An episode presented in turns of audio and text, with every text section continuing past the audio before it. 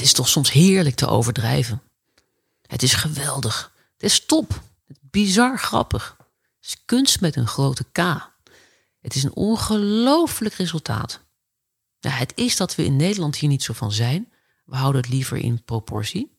Maar als je ergens een beetje achter staat, voelt het best wel goed, dat overdrijven.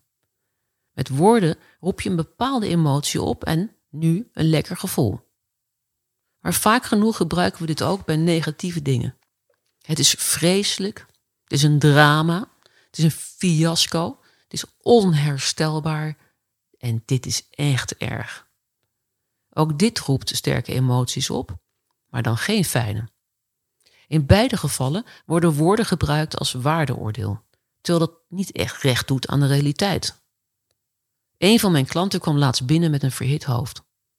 Voordat hij goed en wel zat, riep hij dat er een drama was gebeurd. Hij zat al twee, weken te wachten op een container met producten en had net te horen gekregen dat er nog een week bij kwam. Weer moest hij zijn klanten bellen en het slechte nieuws brengen. Ja, niet om de situatie te bagatelliseren, maar is het echt een drama? Nou, vaak kunnen we het ook niet goed uitleggen dat het een drama is. En moeten we toegeven dat het wel zuur is en enorm balen, maar geen drama. Nou, dat ook weer niet.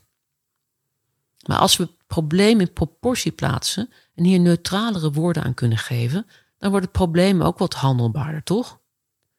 En kunnen we er op een minder emotionele manier naar kijken.